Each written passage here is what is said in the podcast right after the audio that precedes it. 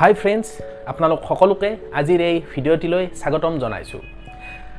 আপোনালোকে নিশ্চয় গম পায় যে বৰ্তমান সময়ত ভাৰতীয় সংসদত শীতকালীন সত্ৰ চলি আছে আৰু যোৱা দুদিন পূৰ্বে Ministry of Environment Forest and Climate Change এই মিনিষ্ট্ৰীটোৰ যিজন ষ্টেট মিনিষ্টাৰ অশ্বিনী কুমাৰ চুবে ডাঙৰীয়াই তেখেতক সোধা এক প্ৰশ্নৰ উত্তৰত তেখেতে জনাইছে যে সমগ্ৰ ভাৰতবৰ্ষত যিমানখিনি ফৰেষ্ট লেণ্ড এনক্ৰচমেণ্ট হৈছে অৰ্থাৎ বন্যভূমি বেদখল যিমান হৈছে গোটেই ভাৰতবৰ্ষত তাৰ আধাতকৈ বেছি অসমত হৈছে। অৰ্থাৎ গোটেই ৰাজ্যসমূহৰ ভিতৰত আটাইতকৈ বেছি বনভূমি বেদখল অসমত হৈছে আৰু তথ্যটো ইমানেই ভয়ংকৰ যে সমগ্ৰ ভাৰতত যিমান হৈছে তাৰ আধাতকৈ বেছি ফিফটি মোৰ দেন ফিফটি পাৰ্চেণ্ট হৈছে অসমত। গতিকে আপোনালোকে নিশ্চয় অনুমান কৰিব পাৰিছে যে কিমান ভয়ংকৰ এক তথ্য। গতিকে এই সম্পৰ্কত আজি আপোনালোকৰ লগত কিছু কথা আলোচনা কৰিম। গতিকে ফ্ৰেণ্ডছ আহক আজিৰ এই ভিডিঅ'টো আমি আৰম্ভ কৰোঁ।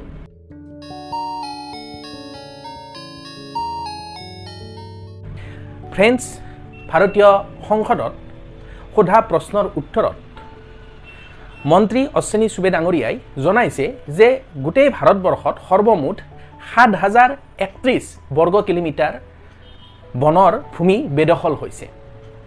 আৰু ইয়াৰ ভিতৰত অসমত বেদখল হৈছে তিনি হাজাৰ সাতশ স্কুৱেৰ কিলোমিটাৰ। গতিকে আপোনালোক চাওক গোটেই ভাৰতবৰ্ষত হৈছে সাত হাজাৰ আৰু আমাৰ তাৰ ভিতৰত আমাৰ অসমতেই হৈছে তিনি হাজাৰ সাতশ বৰ্গ কিলোমিটাৰ আধাতকৈও বেছি। ইয়াৰ উপৰিও আন কিছুমান তথ্যও তেখেতে সদৰি কৰিছে যে আটাইতকৈ কম ফৰেষ্টৰ ভূমি বেদখল হোৱা ৰাজ্যৰ কেইখন হৈছে গোৱা পণ্ডিচেৰী আৰু লাক্ষাদ্বীপ। এইকেইখনত ভূমি বেদখল হোৱাই নাই। ভূমি মানে এইটো অকল ফৰেষ্ট লেণ্ডৰ কথাহে কোৱা হৈছে। ফ্ৰেণ্ডছ এইখিনিতে আপোনালোকক আৰু এটা তথ্য জনাব বিচাৰিছোঁ যে গোটেই ভাৰতবৰ্ষত যিমান জিঅ'গ্ৰাফিকেল এৰিয়া আছে বা ভাৰতবৰ্ষৰ মুঠ মাটিকালি যিমান তাৰ একৈছ শতাংশ বন অৰ্থাৎ হাবি বননি ফৰেষ্ট ইত্যাদিয়ে আগুৰি আছে। আৰু ইয়াৰ বিপৰীতে অসমত মুঠ মাটিকালি যিমান আছে তাৰ থাৰ্টি ছিক্স পাৰ্চেণ্ট বনসমূহে আৱৰি আছে। গতিকে চাওক আমাৰ অসমখন প্ৰাকৃতিকভাৱে কিমান চহকী অসমৰ মুঠ মাটিকালিৰ থাৰ্টি ছিক্স পাৰ্চেণ্টেই ফৰেষ্টেৰে আৱৰি আছে। গতিকে আমি যথেষ্ট চহকী ভাৰতবৰ্ষৰ বাকী আন ৰাজ্যৰ তুলনাত বনজ সম্পদৰ ক্ষেত্ৰত। কিন্তু ফ্ৰেণ্ডছ এইখিনিতে আপোনালোকক দুখেৰে এটা তথ্য জনাওঁ যে অসমৰ যিমানখিনি মাটিকালি ফৰেষ্টে আগুৰি আছে তাৰ থাৰ্টিন পাৰ্চেণ্ট অৰ্থাৎ তেৰ শতাংশ বেদখল কৰা হৈ গৈছে।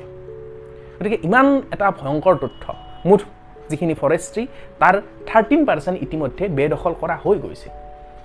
গতিকে চাওক ফ্ৰেণ্ডছ কিমান এক ভয়ংকৰ পৰিৱেশৰ সৃষ্টি হৈছে আৰু আমি এতিয়াৰ পৰাই যদি সজাগ নহওঁ সচেতন নহওঁ তেতিয়াহ'লে হয়তো কম সময়ৰ ভিতৰত আমাৰ প্ৰাকৃতিক সম্পদ যিবিলাক আছে বনজ সম্পদ যিবিলাক আছে এইসমূহ ধ্বংসৰ গৰাহত পৰিব আৰু গোটেই মানৱ জাতিৰ প্ৰতি বিশেষকৈ আমাৰ অসমৰ জনসাধাৰণৰ প্ৰতি ইয়াক বহুত ডাঙৰ প্ৰত্যাহ্বান আৰু ভাবুকিৰ সৃষ্টি কৰিব।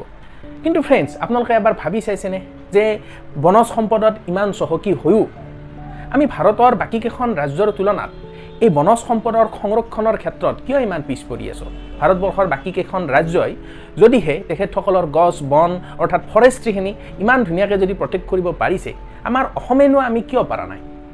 এই ক্ষেত্ৰত প্ৰথমতে ক'ব লাগিব যে যিখিনি মানুহ অতীজৰে পৰা সেই বনাঞ্চলবিলাকৰ ওচৰত বসবাস কৰি আহি আছে। তেখেতসকলে আগৰে পৰাই নিজৰ লিভলিহুডৰ কাৰণে সেই ফৰেষ্টখনৰ ওপৰতে ডিপেণ্ডেণ্ট হৈ আছে। গতিকে তেওঁলোক আৰ্থিকভাৱেও ইমান এটা সচ্ছল নহয়। গতিকে এনেকুৱা বিভিন্ন কাৰণত তেখেতসকল অতীজৰে পৰাই সেই বন গছ গছনি আৰু সেই ফৰেষ্টখনৰ ওপৰত ডিপেণ্ডেণ্ট হৈ আছিল আৰু বৰ্তমানেও তেওঁলোক ইয়াৰ ওপৰত ডিপেণ্ডেণ্ট হৈ আছে। আৰু ইয়াৰ ফলত কিছু পৰিমাণে হ'লেও ফৰেষ্টৰ যিখিনি লেণ্ড আছে এই লেণ্ডবিলাক ইলিগেলভাৱে এনক্ৰচমেণ্ট কৰা হৈ আছে। ফ্ৰেণ্ডছ ইয়াৰ উপৰিও আন এটা প্ৰধান কাৰণ হ'ল ইলিগেল ইমিগ্ৰেণ্টছ আপোনালোকে জানে ফ্ৰেণ্ডছ যে এই ইলিগেল ইমিগ্ৰেণ্টছৰ যিটো সমস্যা এইটো আমাৰ অসমৰ আজিৰ সমস্যা নহয়। বহুত আগৰে পৰাই এই সমস্যাটো চলি আহি আছে। বাংলাদেশ দেশখন গঠন হোৱাৰ বহু আগৰে পৰাই। এই ইলিগেল ইমিগ্ৰেণ্টৰ যিটো সমস্যা সেই সমস্যাত অসম ভুগি আছে। আপোনালোকে নিশ্চয় ইয়াৰ বিষয়ে অৱগত। গতিকে ইমান সংখ্যক ইলিগেল ইমিগ্ৰেণ্ট যেতিয়া অসমলৈ আহিছে বহিৰাগত যিবিলাক লোক আছে। তো এই তেখেতসকলৰতো নিজা কোনো মাটি নাই ইয়াততো কোনো ধৰণৰ তেখেতসকলৰ মাটি সা সম্পত্তি এইবিলাক নাই। গতিকে তেখেতসকলে কি কৰিব? তেখেতসকলে অবৈধভাৱে সেইকাৰণে যিবিলাক চৰকাৰী বনৰ ভূমি আছে সেইবিলাক অধিগ্ৰহণ কৰি লয় তাত খেতি বাতি কৰে নিজৰ বস্তি এটা তাত বচাই লয়। গতিকে এইটো এটা আটাইতকৈ প্ৰধান সমস্যা বুলি ক'ব পাৰি। অসমৰ ফৰেষ্ট এনক্ৰচমেণ্টৰ যিটো সমস্যা এইটো আটাইতকৈ প্ৰধান সমস্যা এইটো বুলিয়েই ক'ব পাৰি। ইয়াৰ উপৰিও আন কিছুমান কথা আছে যেনে কিছুমান লেণ্ড মাফিয়া আছে আৰু এই লেণ্ড মাফিয়াবিলাকেও এনেকুৱা চৰকাৰৰ ফৰেষ্টৰ যিবিলাক মাটি আছে সেইবিলাকৰ অবৈধ দখল লৈ এইবিলাকত ব্যৱসায় কৰি আহি আছে। গতিকে এনেকুৱা বহুতকেইটা ফেক্টৰ অসমৰ বনভূমিৰ যি বেদখল ইয়াৰ লগত জড়িত হৈ আছে। গতিকে ফ্ৰেণ্ডছ এতিয়া প্ৰশ্ন হ'ল চৰকাৰেনো এই অবৈধ বনভূমি বেদখলৰ বিৰুদ্ধে কেনেকুৱা ধৰণে কাৰ্যপন্থা চলাই আছে? এই ক্ষেত্ৰত ফ্ৰেণ্ডছ আপোনালোকক ক'ব খোজোঁ যে ভাৰত চৰকাৰে ইতিমধ্যে বহুতকেইখন আইন এই চৰকাৰী যি বনভূমি তাৰ বেদখলৰ পৰা মুক্ত কৰিবৰ কাৰণে বহু ধৰণৰ আইন চৰকাৰে হাতত লৈছে।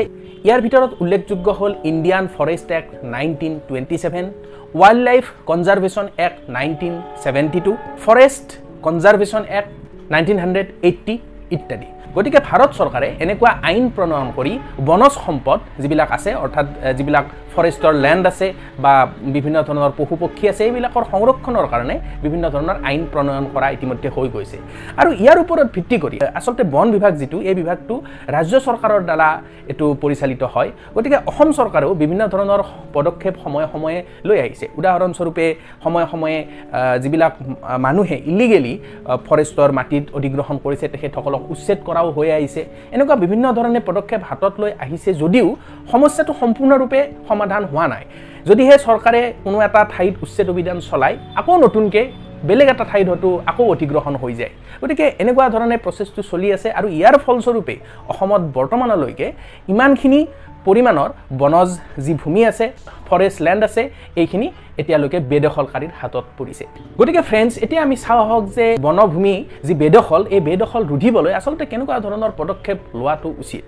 প্ৰথম কথা হ'ল চৰকাৰে আইন প্ৰণয়ন ইতিমধ্যে কৰি থৈছে। গতিকে সেই আইনকেইখন আমি কিমান ধৰণে আমি পালন কৰিব পাৰোঁ সেই আইনকেইখন কেনেকৈ ইমপ্লিমেণ্ট কৰিব পাৰি সেই কথাটোত জোৰ দিব লাগিব। ইয়াৰ ভিতৰত প্ৰথমতে আহে যে যিখিনি লোক অতীজৰে পৰাই বনভূমিবিলাকৰ কাষত আৱাসিক এলেকাবিলাকত বসবাস কৰি আহিছে। তেখেতসকলৰ ফলত যিবিলাক বেদখল হৈছে এই বেদখলসমূহনো কেনেকৈ ৰোধ কৰিব পৰা যাব? এই ক্ষেত্ৰত আপোনালোকক জনাওঁ যে দুহেজাৰ ছয় চনত ফৰেষ্ট ৰাইট এক্ট বুলি এখন আইন ভাৰত চৰকাৰে প্ৰণয়ন কৰিছিল। আৰু এই আইনখনত সুন্দৰভাৱে উল্লেখ আছে যে যিবিলাক লোক খিলঞ্জীয়া লোক বা যিসকল যিসকল লোকে অতীজৰে পৰা এনেকুৱা ফৰেষ্টৰ ওপৰত ডিপেণ্ড কৰি তেখেতসকলে জীৱন নিৰ্বাহ কৰি আছে তেখেতসকলৰনো অধিকাৰ কি হয়? ফৰেষ্টৰ ওপৰতনো তেওঁলোকৰ অধিকাৰ কি? তাত সুন্দৰকৈ ডিফাইন হৈ আছে। গতিকে আমি এই ক্ষেত্ৰত সুন্দৰভাৱে বস্তুটো বিশ্লেষণ কৰিব লাগিব যে এই মানুহখিনিয়ে কি কিনো তেখেতসকলৰ অধিকাৰ আছে তেখেতসকলে যাতে সেই অধিকাৰখিনি সম্পূৰ্ণৰূপে পায় আৰু তেখেতসকলে সেই অধিকাৰৰ বাহিৰত গৈ যাতে ভূমিৰ বেদখল যাতে কৰিব নোৱাৰে এইখিনি ক্ষেত্ৰত অসম চৰকাৰ সজাগ আৰু সচেতন হ'ব লাগিব। কাৰণ তেখেতসকল ইমান অতীজৰে পৰাই যাতে খিলঞ্জীয়া লোকসকল বনৰ সম্পদখিনিৰ ওপৰত তেখেতসকলে যাতে নিৰ্ভৰ কৰি আহিছে গতিকে তেখেতসকলকো এটা ৰাইট ভাৰত চৰকাৰে দিছে। গতিকে সেই ৰাইট যিখিনি তেখেতসকলৰ আছে তাৰ ভিতৰৰ যিখিনি সুবিধা তেখেতসকলে পাব লাগে সেইখিনি নিশ্চয় তেখেতসকলে পোৱাটো উচিত। আৰু তাৰ বাহিৰে যাতে কোনো ইলিগেলি যাতে কোনো ধৰণৰ লেণ্ড এনক্ৰচমেণ্ট যাতে নহয় এইখিনিৰ ক্ষেত্ৰত অসম চৰকাৰ সজাগ সচেতন হোৱাটো অতিকে জৰুৰী। ইয়াৰ পিছত আছে যিখিনি বাহিৰা অৰ্থাৎ যিখিনি ইলিগেল ইমিগ্ৰেণ্ট যিখিনি আছে তেখেতসকলে যি ধৰণে এই ভূমিখিনি বেদখল কৰিছে এইটো সমস্যানো কেনেকৈ সমাধান কৰিব পৰা যায়? এই সম্পৰ্কতো বহুতকেইখন আইন আপোনালোকে জানে ইলিগেল ইমিগ্ৰেণ্ট সম্পৰ্কীয় বহুতকেইখন আইন ইতিমধ্যে সংসদত পাছ হৈ গৈছে। এইখিনি ভালকৈ ইমপ্লিমেণ্ট কৰিব লাগে। সেই ইমিগ্ৰেণ্টখিনিত চিনাক্ত কৰিব লাগে যে কোন কোন ইলিগেলি ইয়াত আহিছে বা ইলিগেলি কেনেকৈ আমাৰ অসমৰ বনজ সম্পদসমূহ বা বনভূমি কেনেকৈনো বেদখল কৰিব পাৰিলে। গতিকে নিশ্চিতভাৱে তাৰ পৰা তেখেতসকলক উচ্ছেদ কৰাটো অতিকে জৰুৰী। কাৰণ নহ'লে আমাৰ বনজ সম্পদবিলাক এনেকৈ নোহোৱা হৈ যাব। আৰু ইয়াৰ পিছত যিবিলাক মাফিয়া বা তেনেকুৱা ধৰণৰ লোকেও এই ভূমি বেদখল কৰি কিনে তাত ব্যৱসায় চলাই আছে এইবিলাককো চিনাক্ত কৰি কিনে এই প্ৰক্ৰিয়াবিলাক বন্ধ কৰাটো উচিত। আৰু ইয়াতে আপোনালোকক ক'ব খোজোঁ যে এই ইমপ্লিমেণ্ট কৰাৰ কামটো হৈছে ফৰেষ্ট ডিপাৰ্টমেণ্টৰ আৰু এই কামবিলাক ইমপ্লিমেণ্ট কৰিব যাওঁতে ফৰেষ্ট পাৰ্চনেলবিলাকে নানান ধৰণৰ প্ৰত্যাহ্বানৰ সন্মুখীন হ'বলগীয়া হয়। কাৰণ আপোনালোকে জানে যে বন জংঘল এইখিনি যিবিলাক ফৰেষ্ট এৰিয়া হয় তাত ৰাস্তা ঘাট ইত্যাদি ইমান এটা ভাল নহয় বা গাড়ীৰে সেইবিলাক যাব নোৱাৰি ইমান ভাল ৰাস্তা ঘাট তাত নাই। গতিকে যিবিলাক ফৰেষ্ট পাৰ্চনেল থাকে তেখেতসকলে গৈ এই যিবিলাক ইলিগেলি মানে বেদখল হৈ আছে এইবিলাক গৈ চিনাক্ত কৰা বা একদম ভিতৰত গৈ পোৱা কানেক্টিভিটিটো ইমান এটা ভাল নহয়। যদি কানেক্টিভিটিটো ভাল হ'ল হয় তৎক্ষণাত তেখেতসকলে এইবিলাক ডিটেক্ট কৰিব পাৰিলে হয় আৰু একশ্যন ল'ব পাৰিলে হয়। কিন্তু যিহেতুকে সেইবিলাক এক্সেচেবল নহয় গতিকে এইটো এটা প্ৰধান সমস্যা। এক্সেচেবল নহয় কাৰণে তেখেতসকলে সময়মতে গৈ কোনো ধৰণৰ একশ্যন এটা ল'ব নোৱাৰে। দ্বিতীয় এটা কথা হৈছে যে যিখিনি বাউণ্ডেৰী লাইন যিটো আছে সেই বাউণ্ডেৰী লাইন মানে কোনখিনি আৱাসিক এলেকা হ'ব আৰু কোনখিনি ফৰেষ্টৰ ভিতৰত পৰিব। গতিকে তাৰ যিটো ফেঞ্চিং কৰাৰ যিটো ব্যৱস্থা এই ব্যৱস্থাটো যথেষ্ট নিখুঁত হ'ব লাগে। যদিহে এনেকুৱা ধৰণৰ ফেঞ্চিং কৰা বা ডিমাৰ্কেশ্যনৰ যদি কোনো ধৰণৰ ব্যৱস্থা নাথাকে তেতিয়া হয়তো চবৰে কনফিউজন এটা হ'ব যে কোনখিনিনো বনভূমি কোনখিনিনো আৱাসিক এলেকা। গতিকে ইয়াত এটা কনফিউজন হ'ব ফৰেষ্ট পাৰ্চন পাৰ্চনেলবিলাকেও হয়তো ইমান এটা ভালকৈ গম নাপাব। গতিকে ফেঞ্চিং দিয়া বা ডিমাৰ্কেশ্যন কৰা প্ৰচেছটো অতি নিখুঁত হ'ব লাগে। আৰু এনেকুৱা হৈ যায় যে কেতিয়াবা এইবিলাক ফেঞ্চিং ধৰি ল'লোঁ দিয়া আছে কিন্তু কেতিয়াবা প্ৰাকৃতিক দুৰ্যোগেই হওক বা নানান ধৰণৰ ফেক্টৰৰ ফলতেই হওক সেইবিলাক ভাঙি গ'ল। তেতিয়াহ'লে কি হ'ব? আকৌ ফৰেষ্ট পাৰ্চনেল এজন গৈ কোনখিনিত ভাঙিছে কোনখিনিত বেয়া হৈছে সেই ফেঞ্চিংখিনি এনেকৈ ইমানখিনি গৈ চাই থকাটো এইটো সম্ভৱো নহয়। গতিকে আমি যদি জিঅ' টেগিং যদি ব্যৱস্থা এটা যদি আমি ল'ব পাৰোঁ ইণ্টাৰনেটৰ মাধ্যমত যদি আমি সেই ঠাইখিনিত যদি আমি ছেটেলাইটৰ জৰিয়তে যদি গম পাওঁ যে জিঅ' মানে জিঅ'গ্ৰাফিকেলি যদি আমি যদি সেই ডিটেক্ট যদি কৰিব পাৰোঁ এনেদৰে বৈজ্ঞানিক প্ৰযুক্তি লগাই যদি আমি ডিমাৰ্কেশ্যনটো যদি প্ৰপাৰলি কৰোঁ তেতিয়াহ'লে আমি ভাবোঁ যে যথেষ্ট পৰিমাণে এই ইলিগেলি এনক্ৰচমেণ্ট যিটো হৈ আছে সেইটো কমিব। ইয়াৰ উপৰিও আপোনালোকক আৰু এটা কথা কওঁ যে যিবিলাক অবৈধভাৱে যিবিলাক লোকে এইবিলাক ভূমি দখল কৰে এক যথেষ্ট পৰিমাণৰ লোক একেলগ হৈ থাকি কিনে তেখেতসকলে এই কামখিনি কৰে। আৰু আমাৰ ফৰেষ্ট পাৰ্চনেল যিমান আছে তেখেতসকলৰ সংখ্যা বহুত কম। গতিকে যিটো মেন মেন পাৱাৰটো কম ৱৰ্ক ফ'ৰ্চটো বহুত কম। গতিকে তেখেতসকলে মানে মানুহ কম আছে কিন্তু ডিউটি বহুত বেছি কৰিব লাগে।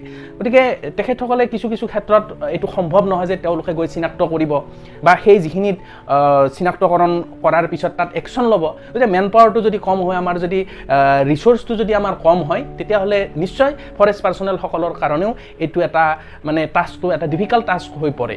গতিকে এই গোটেইখিনি ফেক্টৰ আমাৰ চৰকাৰে এইখিনি চালি জাৰি চাব লাগে ফৰেষ্ট পাৰ্চনেলবিলাকক এম্পাৱাৰ কৰিবৰ কাৰণে ফাণ্ড এলোকেশ্যন হ'ব লাগে মেন পাৱাৰ তাত ইনক্ৰিজ হ'ব লাগে আৰু টেকন'লজিৰ ইউজ হ'ব লাগে। এই গোটেইখিনি প্ৰচেছ সুন্দৰকৈ মেনেজ কৰিলে হয়তো অনাগত ভৱিষ্যতত আমি আমাৰ যিটো বনৰ ভূমি যিটো বেদখল এইটো আমি নিশ্চয় ৰোধ কৰিবলৈ সক্ষম হ'ব পাৰিম। গতিকে ফ্ৰেণ্ডছ আজিৰ এই ভিডিঅ'টোত আমি আমাৰ যিটো বনভূমিৰ বেদখল এই সম্পৰ্কে কিছু কথা আলোচনা কৰিলোঁ।